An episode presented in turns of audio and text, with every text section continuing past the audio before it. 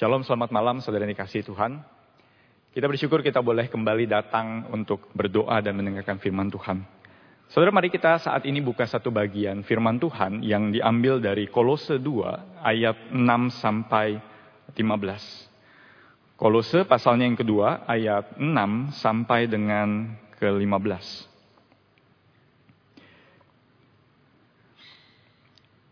Saya akan membacakannya bagi kita semua demikianlah firman Tuhan. Kamu telah menerima Kristus Yesus Tuhan kita. Karena itu hendaklah hidupmu tetap di dalam dia. Hendaklah kamu berakar di dalam dia dan dibangun di atas dia. Hendaklah kamu bertambah teguh dalam iman yang telah diajarkan kepadamu. Dan hendaklah hatimu melimpah dengan syukur. Hati-hatilah supaya jangan ada yang menawan kamu dengan filsafatnya yang kosong dan palsu menurut ajaran turun-temurun dan roh-roh dunia. Tetapi tidak menurut Kristus. Sebab dalam dialah berdiam secara jasmania seluruh kepenuhan kalahan. Dan kamu telah dipenuhi di dalam dia. Dialah kepala semua pemerintah dan penguasa. Dalam dia kamu telah disunat bukan dengan sunat yang dilakukan oleh manusia tetapi dengan sunat Kristus yang terdiri dari penanggalan akan tubuh yang berdosa. Karena dengan dia kamu dikuburkan dalam baptisan. Dan di dalam dia kamu turut dibangkitkan juga oleh kepercayaanmu kepada kerja kuasa Allah yang telah membangkitkan dia dari orang mati. Kamu juga meskipun dahulu mati oleh pelanggaranmu dan oleh karena tidak disunat secara lahiriah, telah dihidupkan Allah bersama-sama dengan dia. Sesudah ia mengampuni segala pelanggaran kita dengan menghapuskan surat hutang yang oleh ketentuan-ketentuan hukum mendakwa dan mengancam kita. Dan itu ditiadakannya dengan memakukannya pada kayu salib.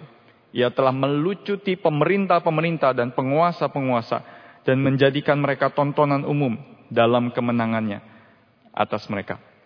Semakin jauh pembacaan firman Tuhan bagi kita. Saudara Spartacus adalah seorang tokoh yang cukup bersejarah pada masa kerajaan Romawi. Dilahirkan kira-kira tahun 100, ya 100 tahun sebelum Masehi.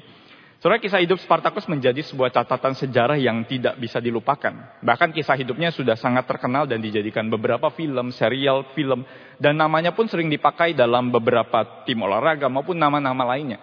Kenapa? Karena Spartacus adalah seorang yang hebat yang bisa memimpin pada masa itu. Awalnya mungkin dia adalah seorang prajurit tetapi kemudian dia dijadikan budak atau tahanan yang sering diadu, dijadikan gladiator, tempat orang mengadu dan dijadikan tontonan budak-budak pada saat itu dijadikan gladiator. Soalnya dia punya status seorang budak, tetapi dia terkenal karena dia memimpin sebuah pemberontakan. Dari para budak-budak dia mengumpulkan orang-orang lainnya untuk memberontak terhadap kekaisaran Roma yang menindas dan menyengsarakan banyak orang pada waktu itu. Dan ia pun memimpin dengan berkarisma yang sangat kuat dan memimpin beberapa pertempuran yang berujung pada kemenangan. Tentu pada saat itu dia menjadi ancaman bagi pemerintah Roma. Dan dia memimpin sekitar 10 ribu bahkan sampai dikatakan 40 ribu pasukan. Dan ini adalah ancaman yang cukup serius bagi Roma yang sangat mengedepankan perdamaian di dalam daerah-daerah yang dia kuasai. Tapi di tengah segala keberhasilan Spartacus mengambil daerah Roma dengan sembunyi-sembunyi, itu tidak berlangsung lama setelah seorang bernama Crassus memimpin tentara Romawi. Dan di tengah jenderal ini mereka berhasil mengepung dan mengalahkan Spartacus dalam sebuah pertempuran. Dan dia mengalahkan tentara-tentaranya. Dan di dalam bagian itu, di dalam pertempuran itu Spartacus pun harus mati dalam pertempuran. Tetapi sebagian besar sisa pengikutnya masih hidup. Soalnya akhirnya sebuah tindakan tegas dan kejam pun dilakukan kepada para pemberontak ini yang kira-kira berjumlah 6.000 orang. Saudara 6.000 orang ini yang sudah ditangkap dan mereka adalah para pemberontak. Pada akhirnya mereka akhirnya disalibkan. Mereka dipajang di muka umum sepanjang jalan dari kota Roma sampai kota Kapua. Kurang lebih saudara sepanjang 200 km. Terpampang dari satu jalan ke jalan yang lain sepanjang jalan itu menjadi sebuah tontonan ketika orang berjalan dari kota Roma ke kota Kapua, dipertontonkan semua salib-salib daripada pengikut-pengikut Spartacus.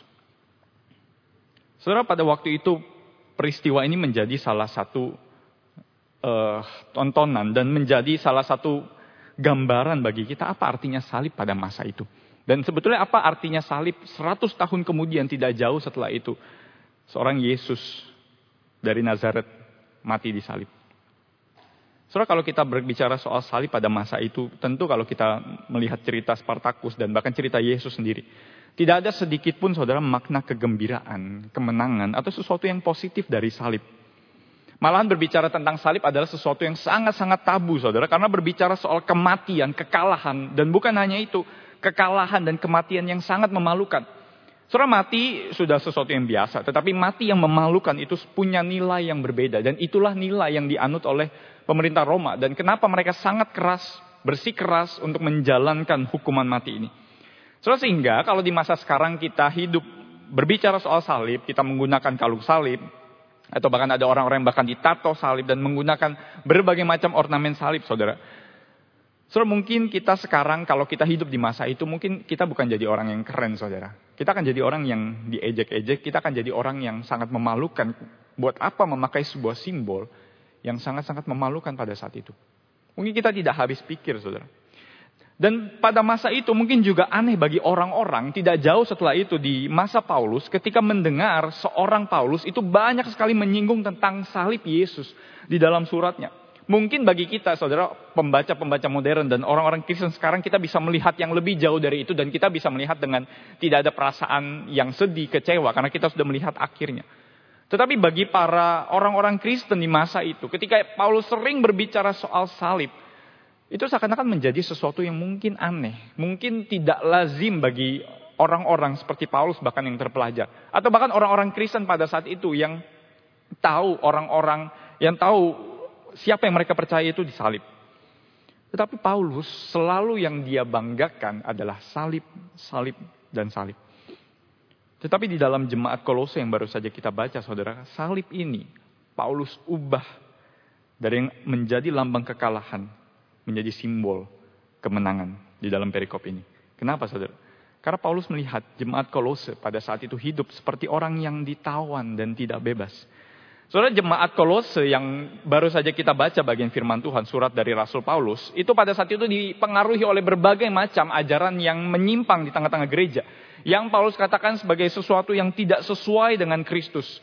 Mungkin Paulus menyebutnya sebagai filsafat dunia, roh-roh dunia, filsafat kosong yang menawan mereka. Dan mungkin ini ada kaitannya dengan berbagai macam kehidupan sekitar mereka. Mereka hidup di sekitar bangsa Yahudi juga, tetapi juga ada kepercayaan kepada dewa-dewa dan lain sebagainya. Soalnya sehingga pada saat itu mereka merasa mereka masih harus menjaga atau memelihara sebuah kebudayaan tertentu atau sebuah cara tata cara ritual tertentu saudara. Misalnya kalau kita baca selanjutnya di uh, ayat 16 dan 17, maka Paulus dengan keras mengingatkan mereka, kamu tidak perlu lagi menjaga soal makanan minuman, kamu memelihara hari raya tertentu, tentang bulan baru, hari sabat, bahkan mereka ada yang sampai menyiksa diri, merendahkan diri, dan bahkan menyembah malaikat. Lalu mereka juga berkanjang pada penglihatan-penglihatan. Saudara, apa yang terjadi adalah jemaat kolose, walaupun mereka sudah menjadi pengikut Kristus, hidup dan pikiran mereka masih ditawan oleh pemikiran-pemikiran yang bahkan tidak sesuai dengan Kristus. Kenapa saudara? Karena ketika kita lihat Paulus di sini berbicara soal roh-roh dunia, orang-orang pada masa itu di dalam zaman itu percaya bahwa ada roh-roh lain, ada roh-roh yang menguasai kehidupan mereka sehari-hari. Makhluk-makhluk spiritual yang memegang kendali di dalam kehidupan mereka sehari-hari. Saudara, sehingga bagi mereka pada saat itu, nasib mereka itu akan ditentukan oleh roh-roh yang berkuasa di udara ini.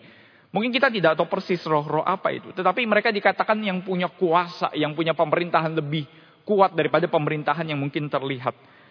Saudara, sehingga yang namanya roh-roh ini, kuasa ini bukan cuma sesuatu yang abstrak bagi jemaat kolose dan mungkin bagi kita. Tapi justru ada di dalam kehidupan sehari-hari masyarakat. Saudara mereka percaya bahwa roh-roh ini mengatur kehidupan mereka sehari-hari. Sehingga mereka harus memelihara satu cara hidup tertentu. Mungkin mereka tidak boleh makan ini. Pada hari-hari tertentu mereka harus makan itu. Mungkin pada hari raya tertentu mereka harus mengadakan satu ritual tertentu. Supaya apa? Supaya hidup mereka damai, sejahtera, tidak diganggu oleh makhluk-makhluk itu. Saudara, sehingga mereka punya tradisi yang mengikat mereka. Saudara, ini hal yang Paulus sedang sadari di dalam jemaat kolose. So, tetapi kita tidak boleh lihat bahwa jemaat kolose ini sama sekali tidak ke gereja. Saudara, justru mereka ada di dalam gereja. Soalnya mereka adalah orang-orang yang pergi ke gereja, statusnya orang Kristen, datang beribadah. Tetapi di sisi lain mereka menambahkan Kristus, menambahkan kekristenan mereka dengan cara pikir yang tidak sesuai dengan Kristus sendiri. Mereka tetap orang Kristen, saudara. Mereka tetap beribadah, bersekutu bersama-sama. Tetapi bagi mereka, ya Kristus nggak cukup lah. Saya mau tambah dengan yang lain. Saya mau tambah dengan mungkin sunat, mungkin saya mau tambah dengan tradisi-tradisi Yahudi atau tradisi dewa-dewa di sekitar sehingga begitu banyak pencampuran dan mereka seakan-akan ingin berkata Yesus tidak cukup. Kristus tidak cukup. Kami perlu menambahkan Kristus dengan beberapa hal lain baru lengkap. Sehingga itulah sebabnya Paulus mengingatkan. Kalau kita baca Kolose selalu mengingatkan kepenuhan Allah berdiam di dalam Kristus. Paulus seakan-akan sedang mengcounter orang-orang yang seperti itu. So, dan itu terjadi di dalam gereja. Orang-orang yang menambahkan Kristus dengan apa yang mereka mau sesuai dengan tradisi mereka sendiri. Sesuai dengan apa yang mereka mau, sesuai dengan keinginan hati dan agenda pribadi mereka. Mereka menambahkan Kristus dengan banyak hal-hal lain. So, sehingga teguran keras diberikan oleh Paulus di dalam pasal 2 ini. Paulus sangat-sangat bingung, kenapa kamu yang hidup dimerdekakan oleh Kristus masih harus ditawan oleh filsafat-filsafat seperti ini. So, sehingga tarik menarik antara kehidupan jemaat kolose, kehidupan yang seperti ini, kehidupan yang dipengaruhi oleh dunia. Tapi kehidupan yang juga hidup sebagai orang Kristen seakan-akan tarik menarik di dalam kehidupan mereka. Dan mungkin itu yang terjadi juga di dalam kehidupan kita sehari-hari. Saudara, tetapi Paulus memberikan sebuah alasan yang sederhana. Kenapa mereka tidak seharusnya mengikuti hal-hal yang demikian. Paulus menyadarkan kepada jemaat dan kepada kita satu hal sederhana. Satu frasa yang sering-sering diulang oleh Paulus. Di dalam dia. Saudara Paulus sering sekali mengulang bagian ini. Di dalam Kristus, dia yang merujuk kepada Kristus. Saudara bahkan di dalam pasal ini atau di dalam perikop ini diulang sebanyak lima kali dan bahkan lebih di dalam surat-suratnya yang lain. Kenapa? Karena Paulus ingin berkata bahwa ketika kamu menerima Kristus Yesus dan bahasa Yunani sering disebut sebagai en Christo, di dalam Kristus. Ini adalah satu frasa yang unik yang sering digunakan oleh Paulus. Paulus sering kali ingin mengingatkan bahwa ketika kamu menerima Kristus, ketika kamu menjadi orang Kristen dan percaya kepada Kristus, hidupmu itu bukan hidup yang cuma bersama dengan Tuhan. Hidupmu itu bukan cuma hidup yang untuk Tuhan, bagi Tuhan, tetapi hidup yang di dalam Tuhan. Saudara, ini adalah makna yang sangat-sangat mendalam dari kehidupan Kristen kita. Kehidupan di mana kita berbagian di dalam, dipersatukan dengan Allah melalui Kristus Yesus. Saudara, bagi Paulus ini adalah sebuah peran yang sangat-sangat penting, sebuah status yang sangat-sangat penting. Kamu ingat, kamu itu di dalam Dia di dalam Kristus. Sehingga kamu hidupmu itu selalu ada di dalam Kristus, tidak pernah bisa dipisahkan dan hidupmu selalu ada di dalam kehidupan bersama dengan Kristus dan di dalam Kristus. So, makanya kalau kita baca uh, ayat 6, ayat 7 dan lain sebagainya, Paulus selalu mengulang-ulang kembali, kamu tuh menerima Kristus dan hidupmu di dalam Dia, bukan di dalam yang lain, bukan bersama-sama dengan roh-roh yang lain, bukan bersama-sama dengan pemikiran-pemikiran filsafat-filsafat yang kosong dan yang lain-lain. Hidupmu Ketika engkau percaya ada di dalam dia. Sehingga Paulus seakan-akan ingin berkata bagi jemaat Kolose. Mereka ingin menambahkan Kristus dengan yang lain-lain. Tapi Paulus menyangkalnya dengan berkata bahwa Kristus cukup. Kenapa? Karena kamu di dalam Kristus. Dan bahkan seluruh kepenuhan Allah berdiam di dalam Kristus. Sehingga tidak ada lagi yang kamu butuhkan selain Kristus. Sehingga Paulus di sini memakai sebuah penggambaran bagaimana seluruh kepenuhan Allah itu berdiam di dalam Kristus adalah melalui salib. Dan kemenangan yang diberikan ketika kita hidup di dalam Kristus adalah kemenangan yang diberikan oleh salib. Soalnya dan pertanyaannya ketika kita hari ini merenungkan tentang kemenangan dari salib, the triumph of the cross. Soalnya bagaimana ceritanya salib yang adalah lambang kutukan, lambang kematian itu bisa menjadi lambang kemenangan. Saudara, salah satu hal yang Paulus bahas di dalam bagian ini, saudara, bagaimana salib itu bisa membawa kemenangan, adalah satu hal penting di dalam kehidupan kita di dalam dia. Saudara, harus ada yang mati di dalam diri kita. So, saya ulang sekali lagi. Ketika kita berbicara soal salib, kita harus berbicara soal harus ada yang mati di dalam diri kita. Karena panggilan dari salib adalah panggilan pertama-tama adalah untuk mati. Ketika Paulus di dalam perikop ini berbicara soal sunat, ada bagian tubuh yang harus dibuang baptis. Seakan-akan harus dikubur terlebih dahulu, baru diangkat kembali. Saudara ketika kita mengikut Kristus, dan salib Kristus itu kita junjung, selalu harus ada yang mati di dalam diri kita. Saudara kenapa? Dan inilah sebuah paradoks dan skandal dari salib saudara. Ketika engkau dan saya berbicara soal salib. Saudara kita tidak mungkin membicarakan salib yang membawa kemenangan, yang sering kali membawa sukacita bagi kita. Terima kasih Tuhan saya sudah diampuni. Tetapi kita tidak boleh lupa. Kalau kita mau berbicara soal salib yang membawa kemenangan, tidak mungkin bisa kita bicarakan. Kalau kita tidak membicarakan salib yang membawa kematian. Kita tidak mungkin membawa, membicarakan soal salib yang membawa sukacita, kenyamanan, sesuatu yang menyenangkan buat kita tanpa berbicara soal salib yang membawa kematian buat kita, penderitaan buat kita. Soal itu tidak mungkin terjadi. So sehingga ketika engkau dan saya berbicara soal salib yang membawa kemenangan. Maka pertama-tama saya rindu mengajak kita semua untuk merenungkan. Sebelum itu harus ada yang mati. Harus ada yang mati dalam diri kita. Surah salib pada masa itu, itu selalu mengusik hati dan pikiran banyak orang. Dan saya ingin katakan bahwa kalau itu tidak mengusik hati dan pikiran kita, tidak membuat kita gelisah, maka saya pikir salib tidak mengerjakan fungsinya dalam hidup kita. Saudara salib, lambang salib di dalam hidup kita di masa modern ini sudah diperhalus. Saudara salib menjadi sebuah lambang yang sebenarnya biasa-biasa saja. Mungkin bagi sebagian orang yang mungkin sudah terlalu biasa dengan kekristenan. Bahkan gambaran salib diubah menjadi gambaran yang begitu mulia, begitu indah. Tentu itu bukan sesuatu yang salah, saudara. Tapi sering kali kita lupa pada masa itu salib adalah sesuatu yang sangat-sangat memalukan. Bahkan salib bukan kayu yang halus, bukan kayu yang ornamen-ornamen yang bagus, yang mulus, yang bisa kita lihat dengan bagus. Tapi salib adalah sebuah kayu yang kasar, bahkan dikatakan itu sebuah pohon yang tajam, yang sama sekali tidak menarik untuk dilihat. Soal salib itu adalah salib yang kasar. Saudara dan seorang bernama Entiret berkata begini saudara, salib itu memiliki pada saat itu, kalau orang melihat salib ada di jalan, maka maknanya sangat-sangat luas pada masa abad-abad pertama itu saudara. Kenapa? Karena maknanya ada makna sosial, ada makna politik, ada bahkan makna religius. Seakan-akan Kenapa orang-orang Romawi selalu ingin menekankan hukuman mati ini? Adalah karena mereka ingin menunjukkan kepada para masyarakat. Secara sosial politik, ketika ada seorang disalib, mereka menunjukkan kalau kamu melawan kaisar, tidak ada harapan bagimu. Kalau kamu mencoba melawan kaisar, ini hukumanmu. Ketika kamu mencoba mengganggu politik yang sudah ada, ketika kamu mencoba mengganggu kenyamanan, status quo yang sudah ada, maka ini hukumanmu. Seakan-akan ingin mendisplay dan sengaja saudara. Salib itu adalah sebetulnya bukan cuma hukuman, tapi untuk tontonan. Untuk display saudara, etalase.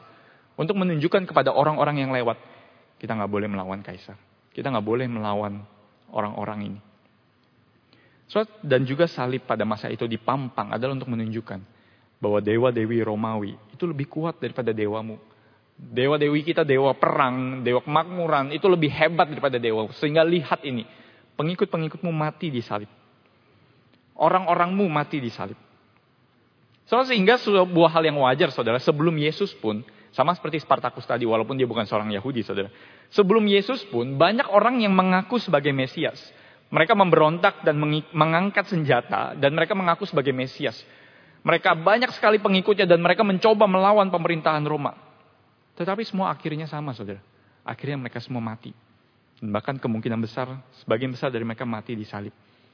Sebuah hukuman yang sangat kejam pada saat itu. Dan setelah pemimpin mereka yang berkarisma itu mati, saudara, apa yang terjadi? Jelas, ajaran mereka ataupun pengikut-pengikut mereka, kelompok mereka pada saat itu tercerai berai. Tidak ada yang tersisa lagi. Ketika orangnya dihukum. Sehingga bagi Roma, ini adalah salah satu tanda yang sangat-sangat luar biasa bisa mereka lakukan terus-menerus. Ketika pemimpin mereka didisplay mati memalukan, pengikutnya sudah tidak ikut lagi. Tapi ada satu salib yang berbeda, saudara. Ketika Yesus mati di salib dan Yesus sudah mati. Para mengikut Yesus tidak selesai sampai di sana. pengikut Yesus masih ada dan terus berjalan menjalankan apa yang Tuhan mau. Saudara, orang-orang di abad pertama sudah melihat salib biasa, saudara. Sebuah tontonan yang sering, dan apalagi orang Yahudi, saudara. Jadi ketika orang Yahudi itu dipertontonkan salib, dan mereka sudah biasa melihat Mesias pada saat itu. Orang yang mengaku Mesias, saudara. Mereka akan lemes, saudara. Mereka merasa, habis sudah harapan kita. Orang kedua ini sudah mencoba lagi, termasuk Yesus mungkin sudah mencoba lagi untuk membebaskan mereka dari pemerintahan Roma. Oke orang ini gagal lagi. Kita harus tunggu orang lain lagi. Kita harus lihat lagi orang yang lain lagi yang mengaku Mesias. Bayangkan di benak para murid mungkin dan orang-orang Yahudi pada saat itu. Mereka sudah terlalu lama menunggu kedatangan orang yang mereka mungkin mau ikuti. Lalu mati lagi, datang lagi, mati lagi dan lain sebagainya. Tapi mereka akhirnya merasa mungkin. Akhirnya pun sama. Siapa yang melawan mereka akan mati. Sehingga kalau kita lihat mood dari orang-orang yang berada di sekitar Yesus ketika dia disalib Mungkin beda dengan kita sekarang, saudara. Kalau kita mungkin merasa sebagai kemenangan, sukacita karena Tuhan mengampuni kita, kita merasakan kasih Tuhan. Orang-orang pada saat itu yang sekitar salib Yesus pun tidak sama sekali merasakan hal itu. Mereka merasakan kegentaran, ketakutan, gundah gulana, gelisah sekali. Hati mereka sangat terusik. Karena apa yang mereka harapkan selama ini hancur. Dan mereka pasti tahu orang prajurit Roma akan memperlakukan Yesus seperti orang-orang sebelumnya. Dan pada akhirnya mereka merasa tidak ada seorang pun yang bisa melawan kaisar. So, tetapi justru di sinilah kemenangan salib Kristus. Kenapa saudara? Karena kalau kita baca di dalam Injil saudara, salib. Justru bagi Yesus, salib adalah lambang kemenangan yang provokatif bagi orang-orang pada saat itu. Saudara, orang-orang dunia pada saat itu, termasuk kaisar, itu menjalankan sebuah gaya kehidupan Pax Romana, jalan peace of Roman. Jadi pada saat itu saudara orang-orang Romawi menjalankan pemerintahannya dengan apa? Dengan tangan besi. Dengan mengangkat senjata. Kalau ada yang tidak setuju mereka harus dibasmi untuk menjalankan perdamaian. Untuk tetap menjaga perdamaian orang-orang di sekitar masyarakat. Sehingga orang-orang yang mengancam pemerintahan Roma harus dibasmi. Tidak ada pengecualian. So itulah cara untuk menjalankan kemenangan versi Romawi. Itulah cara juga yang mungkin diharapkan oleh orang-orang Yahudi pada saat itu, versi mereka sendiri. Tetapi ketika Yesus datang di tengah-tengah dunia, dia seakan-akan membawa jalan yang berbeda. Dan jalannya adalah salib. Dan di sinilah Yesus seakan-akan memutar balikan nilai-nilai dunia dan bahkan nilai-nilai kehidupan kita, saudara. Soalnya ketika Yesus berbicara dengan Nikodemus, Yesus berkata satu pernyataan. Dan dia mengutip sebenarnya dari bilangan ketika Musa itu mengangkat meninggikan ular di padang gurun. Yesus berkata begini kepada Nikodemus. Dan sama seperti Musa meninggikan ular di padang gurun, demikian juga anak manusia harus ditinggikan. Supaya setiap orang yang percaya kepadanya beroleh hidup yang kekal. Saudara Yesus di sini sedang berbicara mengenai dirinya. Kenapa pada saat itu di bilangan 28 Saudara, 21 Saudara, Eh, orang-orang Israel waktu itu memberontak sama Tuhan. Sehingga Tuhan kirimkan ular-ular untuk memagut mereka dan mereka mati.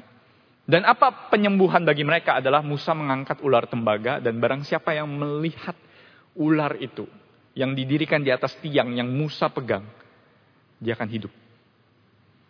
Sehingga Yesus menggambarkan inilah aku. Ketika aku datang ke tengah-tengah dunia, aku harus ditinggikan. Arti yang Yesus bilang ditinggikan itu artinya apa saudara? Dinaikkan ke salib. Ditinggikan. Sehingga kalau kita baca Injil Yohanes, ditinggikan dan dimuliakan itu sesuatu yang sama sebetulnya.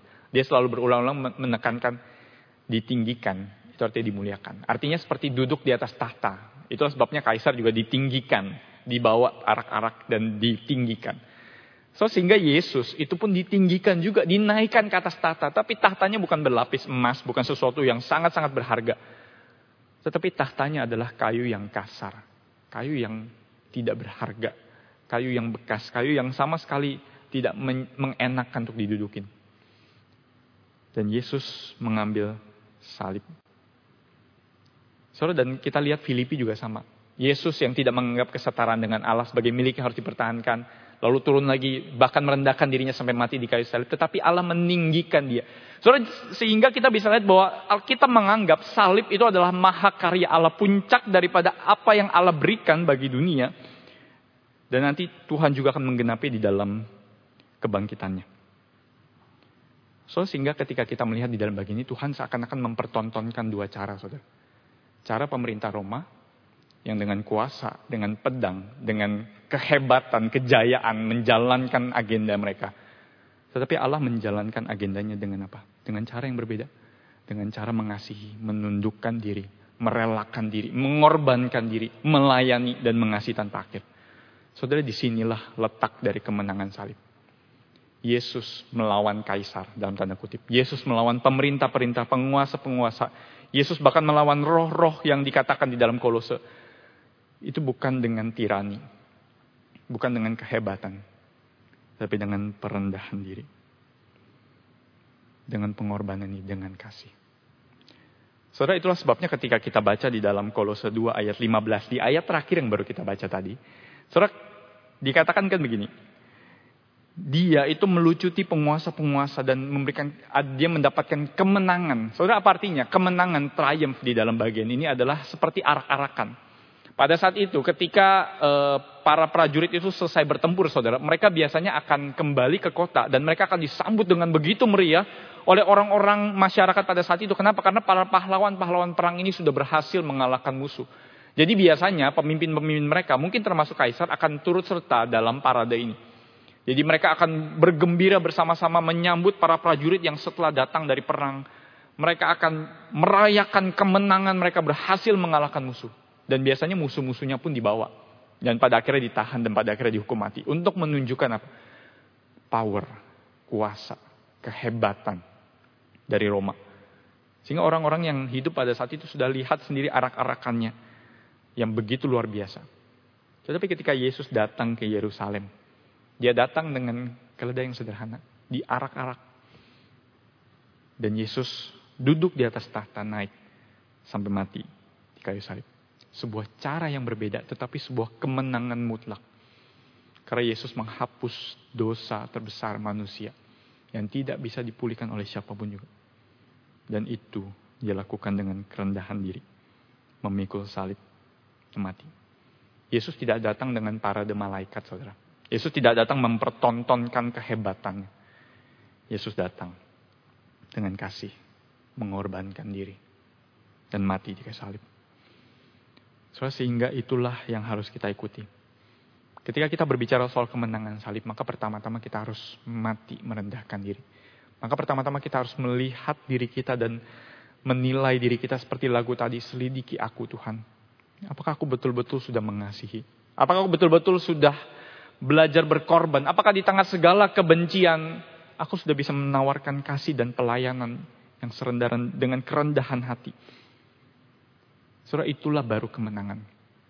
Kemenangan tidak diperoleh dengan kuasa dan kehebatan atau harta yang dimiliki seseorang, pengaruh yang dimiliki seseorang.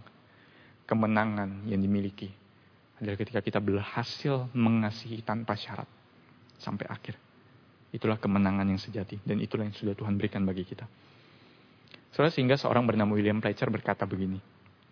Orang-orang Kristen dipanggil untuk membalas kebencian dengan cinta. Kekerasan dengan pengampunan. Kebohongan dengan kebenaran.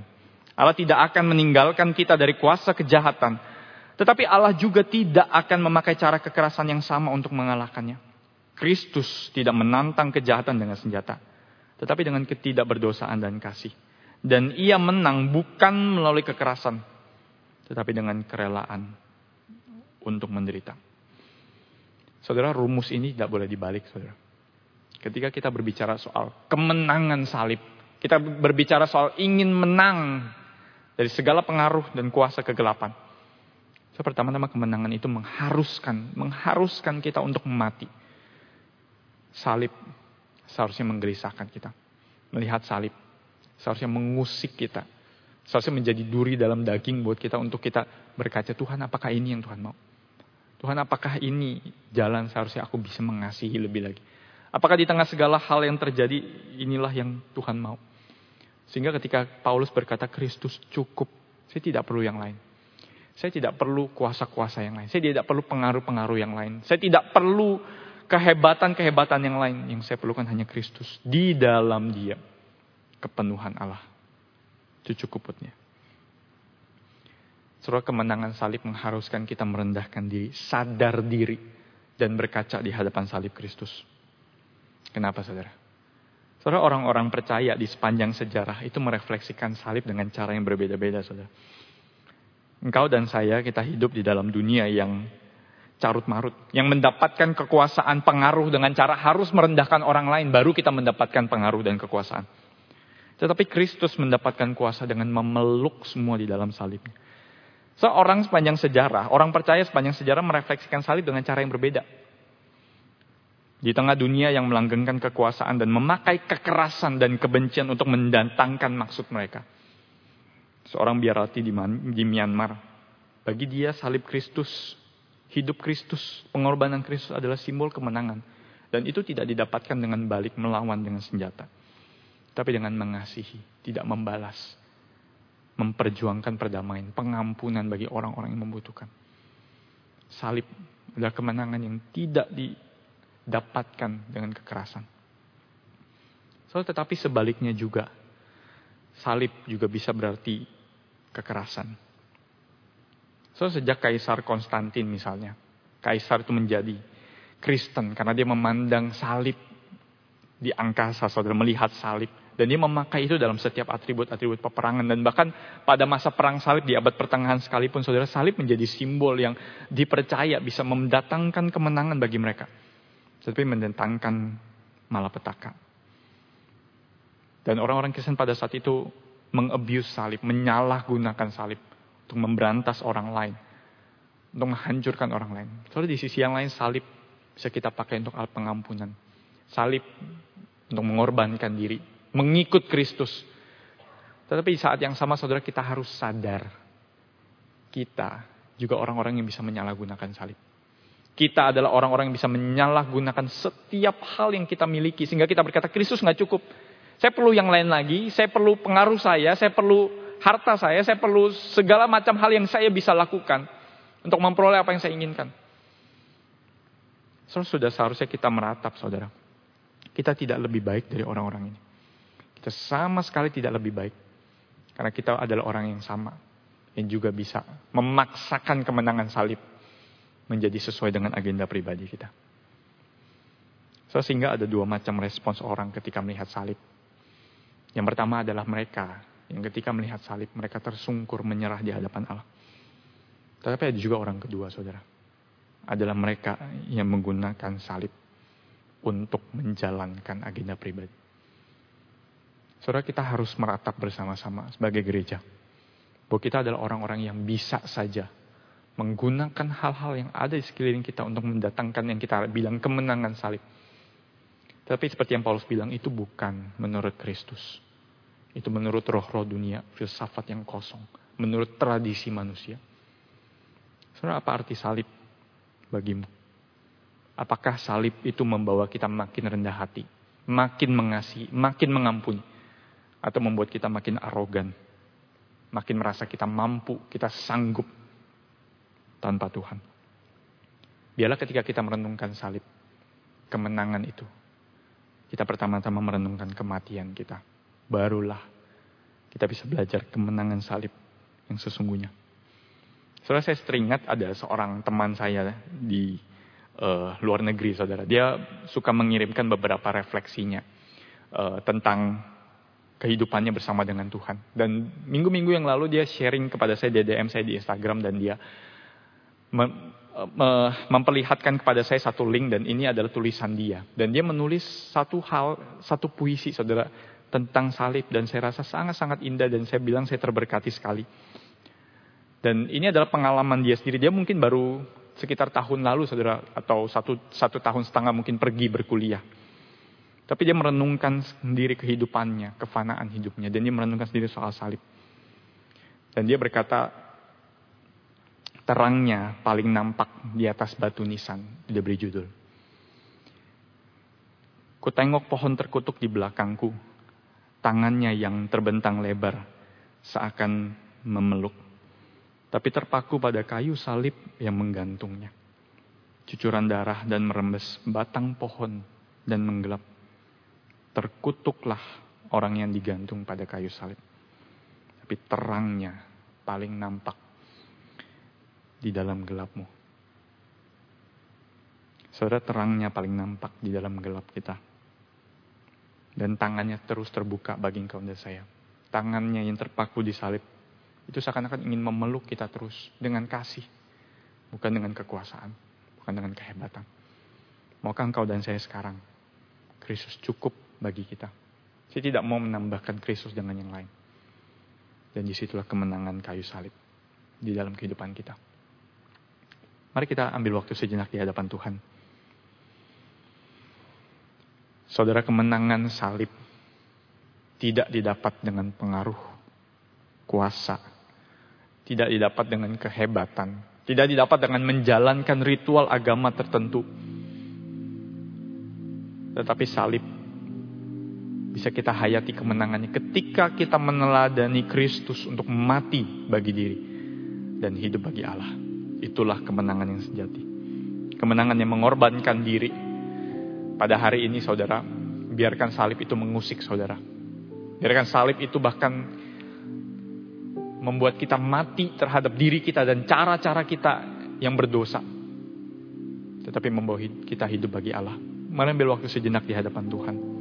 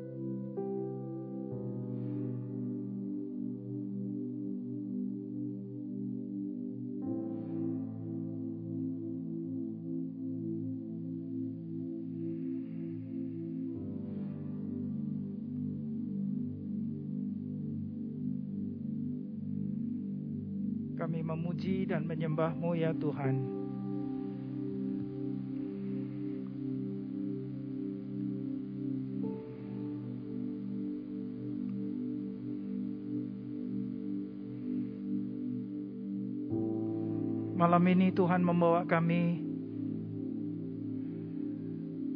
mengikuti jejak Tuhan Yesus.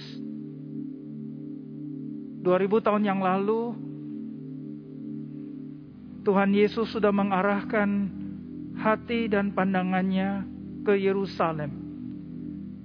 Karena untuk itu Tuhan Yesus datang.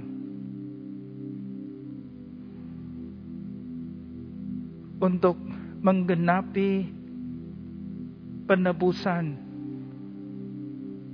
Maka Tuhan Yesus harus disalibkan dan malam ini melalui pemberitaan firman yang hambamu sudah uraikan dengan jelas. Betapa kami melihat Tuhan Yesus datang dengan salib.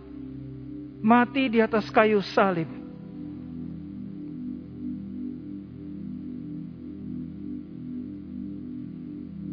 Melalui salib Tuhan Yesus menang atas dosa. Tuhan Yesus menang atas maut. Tuhan Yesus menang atas segala kuasa.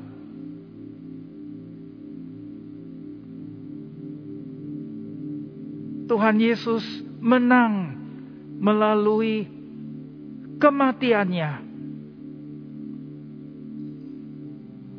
Dan hari ini kami sebagai anak-anak Tuhan, murid-murid Yesus, kami juga sedang mengikuti jejak Tuhan Yesus dan meneladani Yesus Kristus. Maka tidak ada jalan lain kecuali kami juga harus ikut mati. Karena dengan mengikuti jejak Yesus, yang sudah mati menggenapi penebusan, hidup kami juga akan memanifestasikan kemenangan yang Yesus alami, yang Yesus berikan juga melalui kehidupan kami. Kami akan menang atas dosa. Kami juga akan menang atas maut. Dan kami juga akan menang atas kuasa-kuasa setan. Kami memuji dan menyembahmu bahwa kami kepada renungan yang dalam. Karena segala kelimpahan Allah ada di dalam Yesus Kristus. Ada di dalam salib Yesus Kristus. Dan malam ini kami persembahkan hati kami untuk Tuhan. Mengikuti jejak Yesus. Memikul salib. Dan berjalan di atas jalan yang Tuhan Yesus jalankan. Terima kasih Tuhan untuk renungan yang dalam dan membawa kami kepada tekad dan kesediaan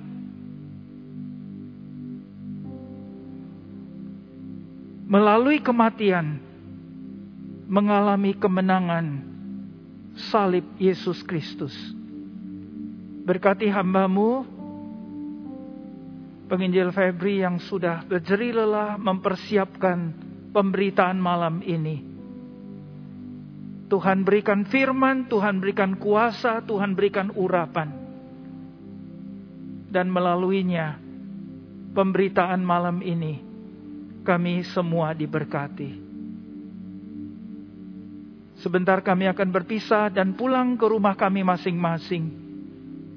Tuhan, berkati kami malam ini dengan renungan yang dalam ini. Berkati setiap kami, berkati gereja Tuhan, menuju kepada hari kesengsaraan Tuhan Yesus Kristus, sehingga kami lebih mengasihi Tuhan, lebih mengasihi sesama, dan lebih rendah hati, bertekad mengikuti jejak Tuhan Yesus, dipakai oleh Tuhan menjadi berkat buat gereja, buat keluarga, buat banyak orang.